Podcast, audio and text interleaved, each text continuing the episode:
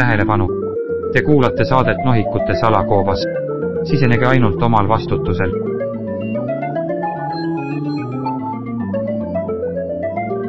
nohikute salakoobas. tervist, head Põltsamaa raadiokuulajad! Te kuulate Nohikute salakoobast. mina olen Tomi Kambau ja minuga koos on külalised Jakob Villem Maikalu ja Mairo Link.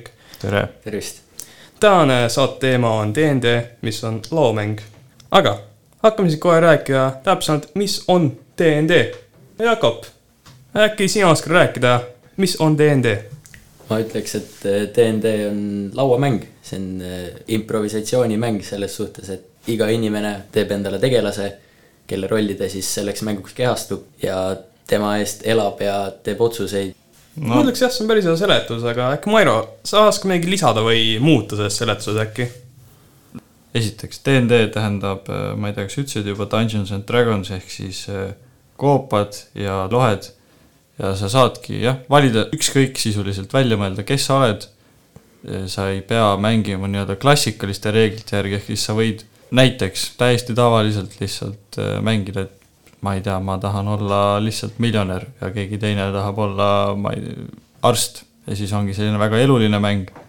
Või siis äh, nii, nagu see on mõeldud mängimiseks klassikaliste reeglite järgi, nagu ka nimi ütleb, koopad ja draakonid, et ma olen näiteks mingi mõõgamees ja see teine tüüp on võlur ja siis te mängitegi, et äh, sa oled võlur ja et see mäng paremini töötaks, siis on mingisugused kindlad reeglid ja funktsioonid nagu ette antud seal mängus, mis sa saad teha näiteks.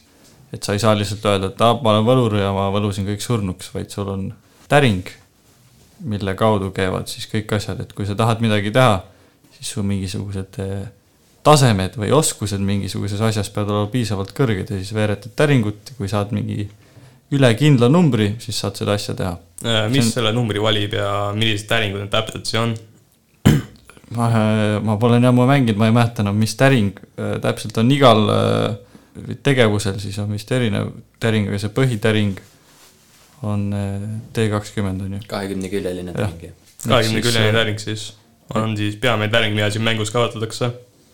kakskümmend on siis kõige parem tulemus, mis peaaegu alati garanteerib seda, et see, mis sa tahtsid, see juhtub kui see just midagi väga absurdset ei ole ja üks tähend-, üks tähendaks seda, et eh, sa kohutavalt eh, paned pekki selle asjaga. et kui sa näiteks proovid mõõgaga lüüa, siis sa lööd iseendast sisse või? või pillad mõõga maha või mingi muu, mis iganes juhtub. et lööd sõpra lihtsalt, lööd surnuks. Noh, näiteks. et selles mõttes on see õnnemäng, et su tegevused, tegevuste õnnestumine sõltub täringutest, aga su tegevuse variandid sõltuvad ainult sinu enda Äh, sellest, mis sa suudad välja mõelda, ehk siis sa võid öelda mingisuguse väga absurdse asja, et ma hüppan nelikümmend meetrit katusele näiteks. ja siis noh, sa pead veeretama kindlalt kakskümmend, et sa üldse saaks nagu proovida sellist asja. aga kui sa teed mingisuguseid no tavalisi toiminguid, ütled, ma avan akna, siis tavaliselt sa ei pea selleks täringut veeretama. aga kui mängujuht tahab et sa täringut veeretaks. et see uks, see aken on väga kõvasti kinni pandud lihtsalt ja, ja sa pead jõudu kasutama näiteks, siis, siis mängujuht ütleb, et sa pead äh, rollima või? aga mis see mängu eesmärk tegelikult on, et äh, ma arvan, sellel mängul ei olegi äh, kindlat eesmärki, eesmärk on see, mis mängijad ja mängujuht ise otsustavad, et see eesmärk lõpuks on. Ehk siis, kui mängijad, valijad on tahavad üksteist tappa lihtsalt, võimalus mängida. jah, kuigi tavaliselt enamus mängijad peale mängujuhi siis kehastuvad nagu üheks meeskonnaks ja siis pürgivad mingi ühise eesmärgi poole, näiteks mingi kurja lohe tapmise või kuningriigi päästmine. noh, mis iganes need tüüpilised fantaasia asjad on, nagu mingi sõrmust isandad või. et see sõrmuse peab hävitama, et no, heades võidaks. näiteks jah, sõrmust isandad oleks üks hea näide lihtsalt ettekujutatavast DnD mängust aga teistpidi see võib olla ka väga loominguline, aga, ja samas eluline klassika, näiteks kõik tegelased on pereliikmed ja mängu eesmärk on äh, kasvatada siis pere nii-öelda, nagu no on... selles mõttes tavaliselt inimesed ei mängiks seda, see tundub neile igav, nad tahavadki neid draakoni asju, aga kogu selle mängu loo ja tausta ja süžee loob äh, mängujuht ise. mängujuhti nimetatakse dungeon master'iks siis. mängujuht on siis mängu autor, režissöör ja kõik tegelased, kes ei ole mängijad ise. nojah, täidesaatev kohtu ja seadusandlik võim sisuliselt. peame nii me selles olema ausad. Mängijad on seal, kuna mängujuht on valinud, et ta vajab inimesi, et oma lugu rääkida nendele. noh, muidugi see oleneb eh, ka mängu ülesehitusest ja kuidas on otsustatud mängida. no eks kui mängijad plaanivad, et nad teevad täitsa oma asja välja äh,, mitte isegi arvestama ja mängujuht tahab, siis ongi niimoodi või? enam-vähem, mängujuht ei saa tegelasi sundima midagi teha, et eh, selles suhtes mängujuht peabki olema valmis improviseerima ja uusi tegelasi kehastama ja asju välja mõtlema. aga Dominic, kui sa, sa oled olnud mängujuht, on ju varem? Äh, mina ei ole olnud.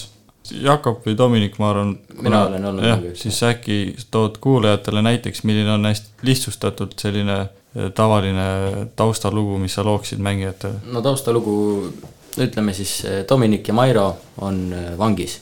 Nemad on mingitel erinevatel põhjustel vangi sattunud ja mina siis kirjeldaks neile seda olukorda, kuidas neil on võimalus vangist välja pääseda mingi suure katastroofi või linnahävingu või mingi muu juhtumise tõttu. ja siis eh, ma küsiks Mairolt, et eh, mida sa teha tahad. sa näed, et eh, väljas valvurid kaklevad kellegagi, aga sa ei näe täpselt kellega. mis sa teha üritad? et ma lähen hiilin siit mööda seda müüri äärt näiteks ja vaatan, kas ma saan kuidagi mööda nendest valvuritest. Ja kui Jakob on sellega niisama nõus, siis jah, ma saan seda teha, aga kui ta arvab, et, et ta ei tahaks seda, siis ta peab mulle ikkagi võimaluse andma. ja ütleb, et veereta nüüd täringut, veereta hiilimisoskuse peale. et kas sa suudad nendest valvuritest mööda hiilida, ilma et nad sind näeksid ega kuuleksid. ja siis äh, hiilin mööda, liigun uude kohta ja siis Jakob lihtsalt manab mulle nüüd uue olukorra ette, mis ma sealt müüri tagant näen. et see on nagu puhas rollimise peale kas siin tuleb mingid asjad juurde, et äh, see oleks kergem seda teha, kuna ilmselt vend täis rüüs ei hiili nii hästi kui keegi no,, kes on paljas. osa nendest reeglitest, et äh, kui sa oled täis raudrüüga, siis ilmselgelt ei hiili nii hästi, kui sul oleksid tavalised riided seljas. karakteri loomisel siis alguses sa saad valida igasuguseid erinevaid klasse, mis ma arvan, kui, et ärme nendest räägi, see võib olla liiga süvitsi, aga ühesõnaga aga see on põhimõtteliselt tegelase amet, mida ta Jah. teeb, kas ta on äh, võitleja eesrindel, lööb koletisi mõõgaga või ta siis otsustab oma kaaslasi ravida või äh, lohe maagiatrikkidega põlema panna või midagi sellist. jah, mida iganes, ongi selline ametikoht põhimõtteliselt siis. lisaks ametikohale on igal äh, karakteril ka mingisugused teatavad iseloomujooned näiteks. ma ei mäleta, kas stealth on eraldi see on üks äh, oskustest, jah. noh, ja siis on ka tugevus, karisma, osavus ja sellised asjad. osavus, intelligents ja need on väga üldised näitajad muidugi, oma tegelast saab mängida ka mm -hmm. eraldi nendest numbritest, mis ka lõpuks tulevad Terengu veetuse No. aga näiteks, kui sul karakteri intelligents on üks. siis sa- sa no oled- siis sa ei saa rääkida ega lugeda. aju surnud, aga, aga noh, aga seal on ka juhtumid, kus kellelgi on näiteks kakskümmend karisma, aga ta ise ei ole väga karismaatiline. Kuidas siis sa mängitakse? mäng nagu avabki võimaluse olla keegi, kes sa tegelikult ei ole. sa ei pea, kui sa päriselt eh, väga peenike oled, siis sa ei pea muidugi mängima nõrka tegelast, sa võid olla rammumees, kes eh, rebib koletistel paljakäsi pead otsast või, või kui sa oled eh, hea suhtleja, siis sa võid mängida kedagi, kes ei suuda vastassoost isikule otsagi vaadata, ilma et ta mingi jalad värisema hakkaksid. no see, et DnD-s saaks põhimõtteliselt Ott Kiivikas olla alaealine alakaalus tüdruk, kui ta tahaks. jah, teoorias küll. sa ei pea üldse nagu enda järgi seda võtma. ei, aga see on ikka see probleem, et kui inimene reaalselt nagu ei ole tark, kuidas ta mängib siis sellist ülitarka inimest?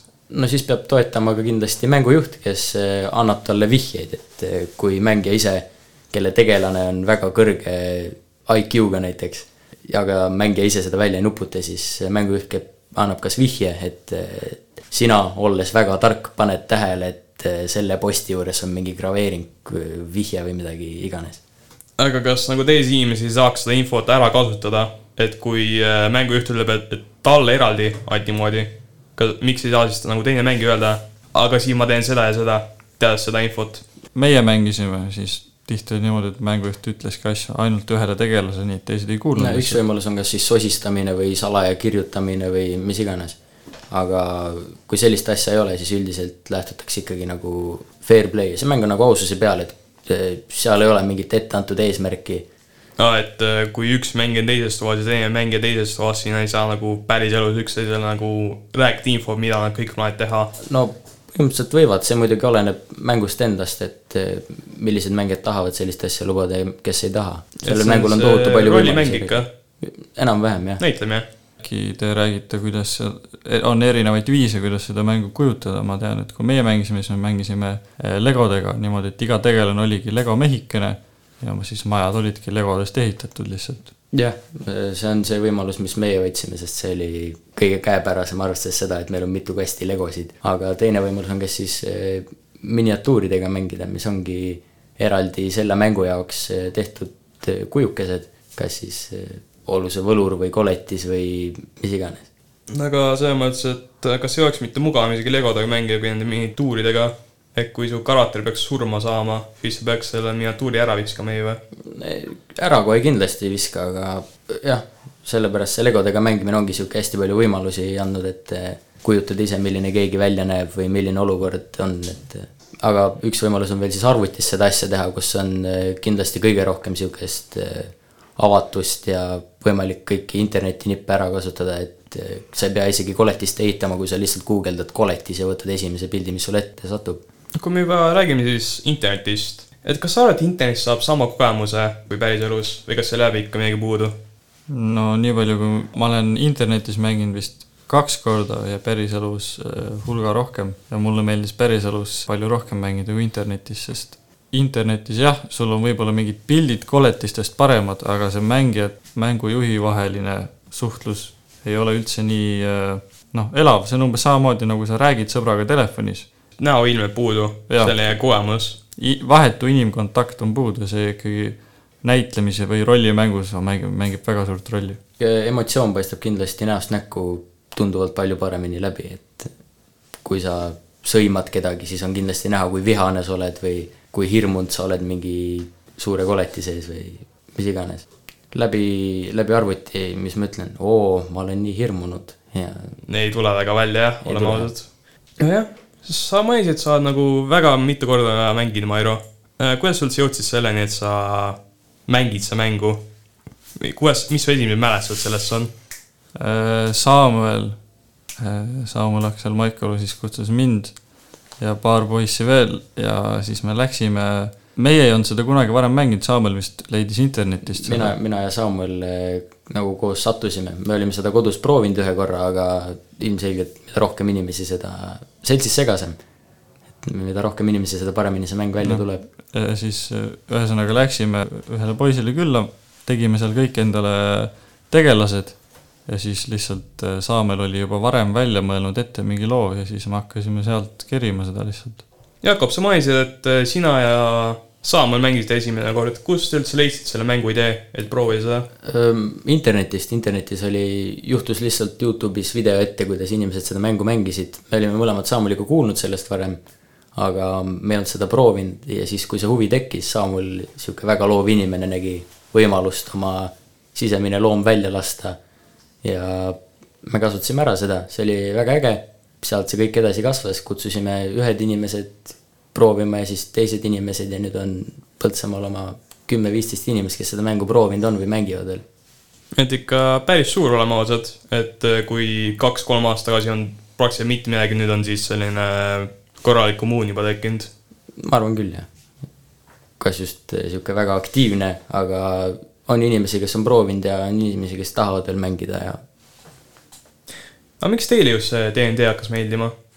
see on selline rollimäng, mis on ehitatud üles äh, päris sarnaselt arvutis olevatele rollimängudele, kuna ma neid olen varem mänginud, aga lihtsalt mitte äh, Samueli ja tema sõpruskonnaga siis mõtlesime, okei okay,, me võime seda noh, sisuliselt päriselus ka mängida. see on sisuliselt nagu arvutimäng ja siis äh, ma nägin, et päriselus on nagu poole põnevam, sest siis sul on reaalselt ka endal mingi emotsioon ja sul tekib see, vähemalt minul tekkis side enda DnD karakteriga palju tugevam kui mingisugune äh, arvutimängu karakteriga. sest ma käisin reaalselt kogu aeg kohapeal, mul oli mingi Lego mehike, kes nii-öelda olin mina seal mängus. ja siis see on lihtsalt elavam versioon arvutimängust. Jah, üks asi on see mängupool ise, et mis asju sa seal teha saad ja mida iganes, aga minule kindlasti meeldis inimestega kokku saada. kõik need erinevad inimesed, kellega ma kohtusin, suhtlesin, Mairot ma praktiliselt enne seda DnD mängimist ei tundnud. aga ma arvan, et seal mängu käigus mina sain teda paremini tundma, tema sai mind paremini tundma. muidugi uute inimestega kohtumine on väga huvitav alati. Et eh, kunagi ei tea, mida ta hakkab tegema seal mängus. jah, et eh, näha, kuidas tema suudab ennast eh, väljendada mingi teise tegelase kaudu ja muidugi sealt läbi tegelase paistavad ka inimese enda iseloomujooned läbi. et see sotsiaalne aspekt on ikka selle peamine osa, mis teile meeldib? minu jaoks on küll, jah. tähelepanu! Te kuulate saadet Nohikute salakoobas. sisenege ainult omal vastutusel.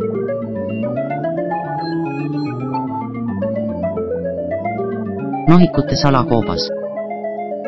No isiklikult, kui ma peaks valima, mis mulle kõige rohkem see mäng meeldib, ma nüüd mängin kedagi muud. see on üldse nagu lõbus mängida, kuna sa tead, et saab midagi teha ka seal mängus, mis nagu päriselt teeb midagi. jah, iga mäng on omaette seiklus, sa ei tea kunagi, mis nagu sind ees ootab, mängujuht Samuel on, noh, Samuel on väga hea mängujuht, ta on muidugi nüüd poolteist aastat mänginud ja õppinud omajagu ja iga kord on üllatus, sa pead ise olema valmis uuteks seiklusteks ja mis iganes aga kui me oleme rääkinud juba, et äh, mis teile selle mängu meeldib, keda te mängisite mängus üldse, mis oli teie roll seal, kui see on rollimäng? ma äh, seletaks väga lihtsalt ilma nende DnD lingota nii-öelda, et ma olin selline hiiliv mees, oli mu algne see amet nii-öelda, luuraja, nagu sõjaväes on luurajad võib-olla. Ja siis hiljem, kui ma sain mingisuguseid lisaoskusi valida, siis mu tegelane kujunes välja nagu ma ütleks Jack Sparrowiks, et ta oli selline piraat, kes oli äh, kaunis karismaatiline, oskas mõõgaga vehkida, igast hüppeid ja saltosid teha. on see kõige lihtsam tutvustus nii-öelda. milline ta iseloom oli? Ta oli väga, mängu alguses ta oli väga hedonistlik, sest ta, mu tegelase vend oli võimupositsioonil ja siis sisuliselt mu tegelasele tuli kõik kätte, mis ta tahtis, lihtsalt siis, kui ta oma vennale seda ütles. ja siis eh, hiljem mängu käigus eh, mu vend suri ja siis ka mu tegelane arenes. ehk siis ma olen kogu aeg mänginud seda mängu ainult ühe tegelasega. ja siis ta lõpuks võttis nagu vastutust seal nende vahepeal teiste mängijate eest, aga pigem ikkagi nagu tegelaste eest mängus, keda siis mängujuht ette mängis siis lõpuks ta oli äh, šerif ühes äh, väikses maakülakeses. ja Jakob, keda sina mängisid siis? Äh, mina mängisin ühte goblinit nimega Korbil. Goblin on nimelt sihuke olend nagu sõrmust lisandates näiteks need orkid, väiksem versioon orkist või need mäekollid, kes käevikus. roheline pika ninaga mees, kes on väga väike või? jah, enam-vähem, ta on sihuke pigem koletiselaadne kui inimeselaadne, aga ta on piisavalt intelligentne, et teadlikult mõelda, igatahes ma olin äh, võitleja, ma kasutasin ühte pikka goblini oda, millega ma siis neid äh, vastaseid surkisin osavalt ja kiiresti. sa ei tea, nagu tavaline sõdur, kas sul oli mingi maagilise võime ka? nojah, mul oli ka siis äh, surnud goblini vend, keda ma siis suutsin kummitusena enda jaoks võitlema võluda. kas sa nagu tegi vigastusi ka või et oli seal, et segada su vaenlasi? nojah, eks ta oli nagu kummitus ikka, eks ta hirmutas ja õudustas ja seal olid mingid erinevad maagilised nipid, mis ma temaga teha sain. aga iseloomult Korbil oli sihuke noh, Goblin, tal ei olnud seda inimeste moraalitunnetust ega sellist, ta oli väga pragmaatiline. et kui on võimalus kedagi röövida, siis ta tõenäoliselt kasutas seda võimalust ära. muidugi see ei peegelda mind päris täpselt. aga elusega. kõik need karakterid ikka natuke peegeldavad iseloomuomadusi igalt mängijalt, oleme ausad. nojah, kas ma just nii pragmaatiline oleks, et mingit vanat naist tänava peal röövida, aga noh. ma ei ütleks, et see väga pragmaatiline ma ütleks, see võimalus, et raha saada ja võrreldes sellega seda vangi on ikka päris halb võimalus.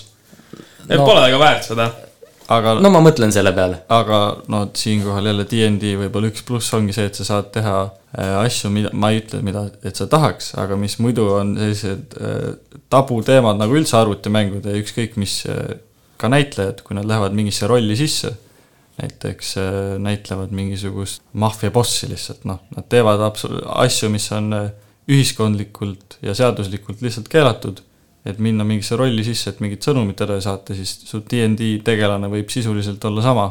siis näitlejatel ongi seda väga lihtne mängida. siis nad lihtsalt kujutavad oma tegelast ette samamoodi lihtsalt rollina näidendis. kui me juba räägime karakterist, siis ma ise ka mängin seda mängu ja minu karakter on selline jumalausklik äh, päkapikk, kes võtab äh, maagilist võimet oma jumalalt. tema iseloomujoontes on selline väga, jagab kõike, mis tal on ja teeb suppi vaestele ja see on talle väga palju probleeme tekitanud, kuna see linn, kus meie mängisime, oli väga korrupteeritud. linnapea tahtis jõudu hoida ja siis ta proovis kõike alla lükata, kõik head inimesed. lõpuks jõud- lõppes niimoodi, et äh, terve linn vallutati ära meil. ja siis meie äh, partei pidi sealt ära jooksma. meil olid juba paar mängijat surma kaasanud seal. see on juba loo peale siin minemas, aga mis seal lõpuks juhtus, oli see, et äh, me saime linnast välja jah, aga väga palju inimesi said seal linnas surma ka, vaesemad, rikkamad. kuna see ikka sõjaaeg, millal meie mäng toimub äh, maailmas ja kui me juba lugudest räägime, kas teil on mingeid selliseid huvitavaid või- leiad lahedaid lugusid, mingeid mul on, tsitaate mul on enne näiteks? küsimus, kui sa ütled, et tegelane peegeldab sind, siis kas sa kummardad ka äh, jumalaid ja Ei. keedad vaestele suppi? Äh, kui on tegelikult mu karakter, jah, ta võtab jõudu jumalalt, aga ta natuke kasutab seda jumala jõudu ära, et enda jaoks ikka teenida. ta väga ise sellesse ei usu. vähemalt nagu, kuidas see välja tuleb väga tihti. et äh, ma võisin ta nagu mõelda, et see on väga usklik vend, aga päriselt, kui ma mängin teda, siis ta ei tule väga usklik välja ehk siis need kuulajatele ka, et inimesed loovad väga erinevaid tegelasi ja mida parem äh, ettekujutlusvõime sul on, seda lõbusam sul endal see mäng tõenäoliselt on. No ja mulle näiteks, mul on muidugi seda, võib-olla ei ole paslik öelda, kuna mina mängin ainult ühte tegelast, kes on nagu suht tavaline tegelane, ta on lihtsalt seal äh, kõige, kõige tavalisemast äh, nii-öelda inimgrupist kõige, kasutab kõige tavalisemaid, tavalisemat relvastust, ta ei ole mingi võlurmees, aga mulle tundub, et selle mängu võlu ongi see, et sa saad niivõrd äh, absurdseid asju välja mõelda, et sa saad sisuliselt lõpuks luua endale tegelase, kes muutub koeraks, kes on mingisugune nelikümmend korda targem ja sada korda tugevam kui, kui noh, küla kõige parem maadleja näiteks see on selline huvitav lugu, mis võib isegi rääkida, mis võiks mängus juhtuda, et äh, su karakter saab nii tugevaks. kas teil on mingeid selliseid lugusid, mis teile endale meeldiks rääkida praegu siin? ma ei hakka nimesid nimetama, aga kuna ma ei ole nii pikalt mänginud seda mängu ja ma ei tea, kas ma nüüd siin tulevikus eh, enam jõuan ka, siis eh, kõige eredam mälestus, mis mul on, on kui me mängisime oma selle algse grupiga ja siis eh, no tihti on niimoodi, et kui sa küsid mängus midagi, siis sa ikkagi teed seda häält või proovid kuidagi sinna rolli sisse minna. Äh, kui sa juba räägid aktsendist, kas äh, Jakob või Mairo saate seda aktsenti teha, mis oma karakterit no tegite? minu tegelane oligi täpselt sama häälega, mis mina, ma ei olnud üldse originaalne. Aga minu uus tegelane, kes siis on Goblin, rääkis Goblini häälega ja siis ta rääkis niimoodi kogu aeg. Ja siis, kui ta pussitas mingit vana naist, siis ta ütles, anna mulle oma raha. no täpselt, Jakob teeb nüüd niimoodi nagu noh, on lõbusam, aga siis meil oli üks mängija, kes eh, ei osanud või noh, ma ei tea, kas ei osanud, võib-olla ei viitsinud lihtsalt väga oma karakterisse sisse minna. ja siis ta lihtsalt eh, läks ühe teise tegelase juurde mängus, vaatas teda ja ütles, mis su rass on. noh, et see küsiski su rassi või? jah, lihtsalt läks, küsis, mis su rass on, see ei olnud nagu, ta ei näitlenud, aga see oli lihtsalt nii naljakas, et see on see üks, üks seikadest, mis mul meeles on, kui me ta nagu reaalselt küsis sult, mis su rass ei on, mit, nagu mitte minu käest, aga mingi suvalise nagu tegelase käest seal. nojah, ta üritas äh, nagu small talk'i teha, nagu viisakat juttu ajada. siis läks, no mitte kuidas ilm on, vaid äh, mis, mis rass sa oled. see tundub väga selline huvitav lugu olema, jah. ja ma ei tea, me selle kohta isegi öelda, see on natuke absurdne, nagu sult kohe ei küsita, mis rass sa oled või? no mis rass kui ma sa oled olen? mingi goblin, mingi väike roheline vend. noh, kui ma Goblin oleks, siis ma arvan, et ma vastaks, vastaks, et, et ma olen Goblin. ja mis sina kui tavalise inimesena vastasid? no ma vastaks, et ma ei soovi avaldada umbes nagu Google Formsis, kui sa saad valida igasuguseid vastuseid, noh. kui keegi küsib sealt midagi nii absurdset, sa võidki minna oma karakterisse sisse ja ütelda, et mis asja, et noh, kas sa oled loll. see, et, et see tegelane niimoodi küsis või noh, see mängija siis, mu sõber, tulenes ilmselt sellest, et meie selles eh, kampaanias nii-öelda või meie maailmas Dungeons and Dragonsis oli väga palju erinevaid rasse olidki, päkapikud, see rass äh, inglise keeles on race, aga eesti keeles pigem tõlgiks seda nagu liigina. Nad on niivõrd erinevad, on äh, samamoodi nagu sõrmust lisandates. nojah, sest DnD on originaalis on täiesti ingliskeelne mäng ja siis kõike otsetõlkes ei ole väga hea äh, tõlkida, aga tahtiski nagu pigem küsida, et kas sa oled nagu päkapikk või sa oled mingisugune mäekoll või midagi. Aga lihtsalt, kui ta küsib, et mis su rass on, siis kukkus nagu valesti ja naljakalt välja lihtsalt. aa, et äh, ta reaalselt ei teadnud, kas see on mingi päkapikk või äh, flav või tavainimene nii-öelda. Äh, jah, jah, nojah, aga jah, Jakob, kas sul on mingeid selliseid huvitavaid lugusid, nagu mis Mairo meile praegu rääkis? Äh, meil on üks lugu, kus üks kurjategija, kes juhtus olema ka üks mängijatest, me pidime teda kuidagi karistama, aga meil hakkas tast nii hale, et me ei tahtnud teda päris üles puua ega kuidagi igaveselt vigastada. siis me otsustasime ta siledaks ajada. see oli meie kõige hullem karistus. ta oli ise kohutavalt löödud sellest, me ajasime tal kulmud maha, ajasime ta kiilaks, siis panime ta häbiposti. kas see vend oli nagu maagiline või kas see oli nagu tavaline vend? ei, ta oli võlur, ja kas aga ta võlumaagia tuli sellest, et äh, ta juuksed olid pikad ja palju karvu oli? Ma ei ei, kujuta või ettegi. kas see oli nagu selline karistus, et ta ei saa enam oma maagiat kasutada? ei, see oli lihtsalt äh, häbi, me häbistasime teda. no ta võttis oma Lego mehikesel juuksed ära ja see ei näinud ilus välja. sisuliselt. ta noh, me, me ei rikkunud nagu ta mängu selles, ta ei pidanud nagu päriselus seda tegema või? ei, ei, ei, me ei ajanud päriselus kiilaks teda aa, see oleks ei. nagu päris lõbus ju, et iga asi, mis mängus toimub, sa pead päriselus ka tegema. sured mängus, siis sureb päriselus. jaa, oleks selline nagu huvitav, see oleks nagu rõhku peal, et sa ei sureks mitte kunagi. no aga siis sa, siis su mäng olekski see, et nüüd sa käid kolm aastat gümnaasiumis lihtsalt. aga mõned inimesed just tahavad sellist mängu. ei no jah, muidugi, ma saan aru sellest, aga siis sa, kui sa tahad, et äh, mäng oleks äh, kui sa mängu sisse lähed, siis need mängusisesed karistused on juba piisavad, et kui su tegelane jääb käest igaveseks silma, siis see on, siis sa ei pea päriselus kätt ära lõikama, et see juba nagu valus tunduks. see on natuke ekstreemne, aga jah. et kui sa oled ikkagi mingisugune noh, oletame, et iga nädalavahetus mängite mingi neli tundi oled nelikümmend tundi äh, investeerinud oma tegelasse ja sa näed, et su Lego mehikesel võetakse kä- käsi ära, siis see, see võib ka mõne inimese jaoks päris valus ikka päris valus jah. aga on mingeid selliseid naljakaid tsitaate, näiteks äh, mul küll on, me ükskord võitlesime mingi vendadega ja siis üks meie mängijatest, kui me tegime strateegiat, ütles, et äh, me ümber, ümber piirame neid. kas see on ka selliseid lollakaid asju, mida te olete öelnud? ma, mul kahjuks ei meenu, sest ma, mul on väga pikk periood olnud vahel, kus ma ei ole mänginud oma tegelast. nojah, eks aeg-ajalt, kui sa üritad päris enda ja tegelase vahel midagi mõelda, siis eh, mõni sõna läheb kaotsi või mõni sõna tekib juurde, et selliseid ümber-ümber piiramisi tekib omajagu. või eh, kui keegi saab infarkti, siis see on hoopis südamerünnak, otsetõlkes inglise keelest. ma küsin, kuna me mängime ikka nagu samas maailmas, Saamaja maailmas ja teil on üks mängija legendiks muutunud äh, meie maailmas ja tal on selline väga naljakad tsitaadid, näiteks ma ei suru ühe mehe all, ma suren saja mehe all. See on siis nimelt sama tegelane, kes küsis, mis rass sa oled. jah, ta ongi selle maailma legendiks juba saanud. kas ta ei küsinud sedasama küsimust oma tulevaselt naiselt? tulevaselt naiselt, just., ta läks. me ei tea nagu täpselt, kust need tulevad, aga me oleme nendest kuulnud. me olime laeva peal minu teada, me läksime ühest linnast teise ja siis äh, seal olid mingid suvalised äh, külatüdrukud ka, kes põgenesid samamoodi ühest külast teise. ja siis see tegelane läks nende naiste juurde ja küsis, mis rass sa oled ja siis mõni tund hiljem abiellus sellesama naisega, kelle rassi ta just küsis. et see on nagu päris armastuse saladus, et sa pead küsima, mis rass see tüdruk on, et teada, kas äh, te armastate üksteist. no võib-olla selles DnD mängus tõesti, päriselus ma ei soovitaks. kui sul oleks võimalik, kas sa mängiks edasi seda mängu või kas teil on nagu isu oled mängust täis juba? Ma arvan, noh, mul on isu võib-olla mängust endast täis, aga mul ei ole sellest, et saada jälle vanade sõpradega kokku, kellega me seda mängu alustasime, sest nüüd me oleme kõik juba sisuliselt öö, oma teed läinud, kes õpib välismaal ja kes lihtsalt teises linnas.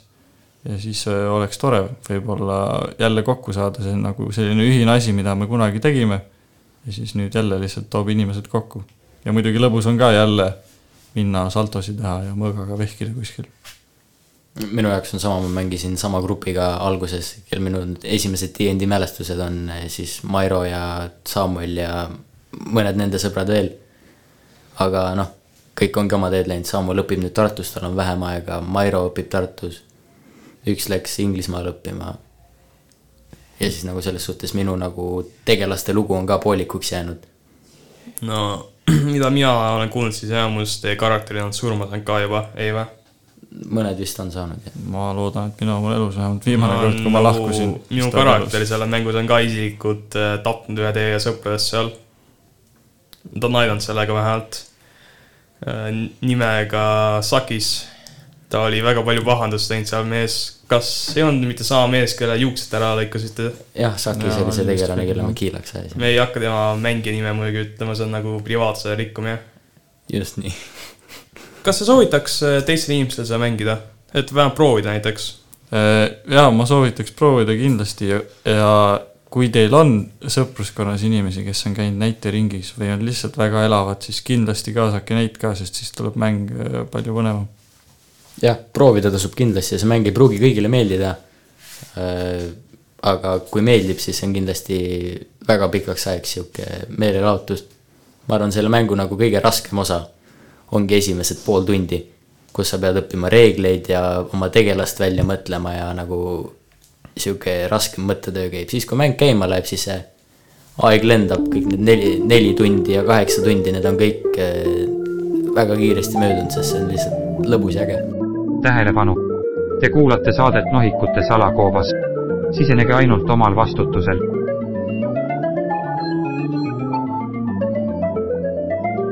nohikute salakoobas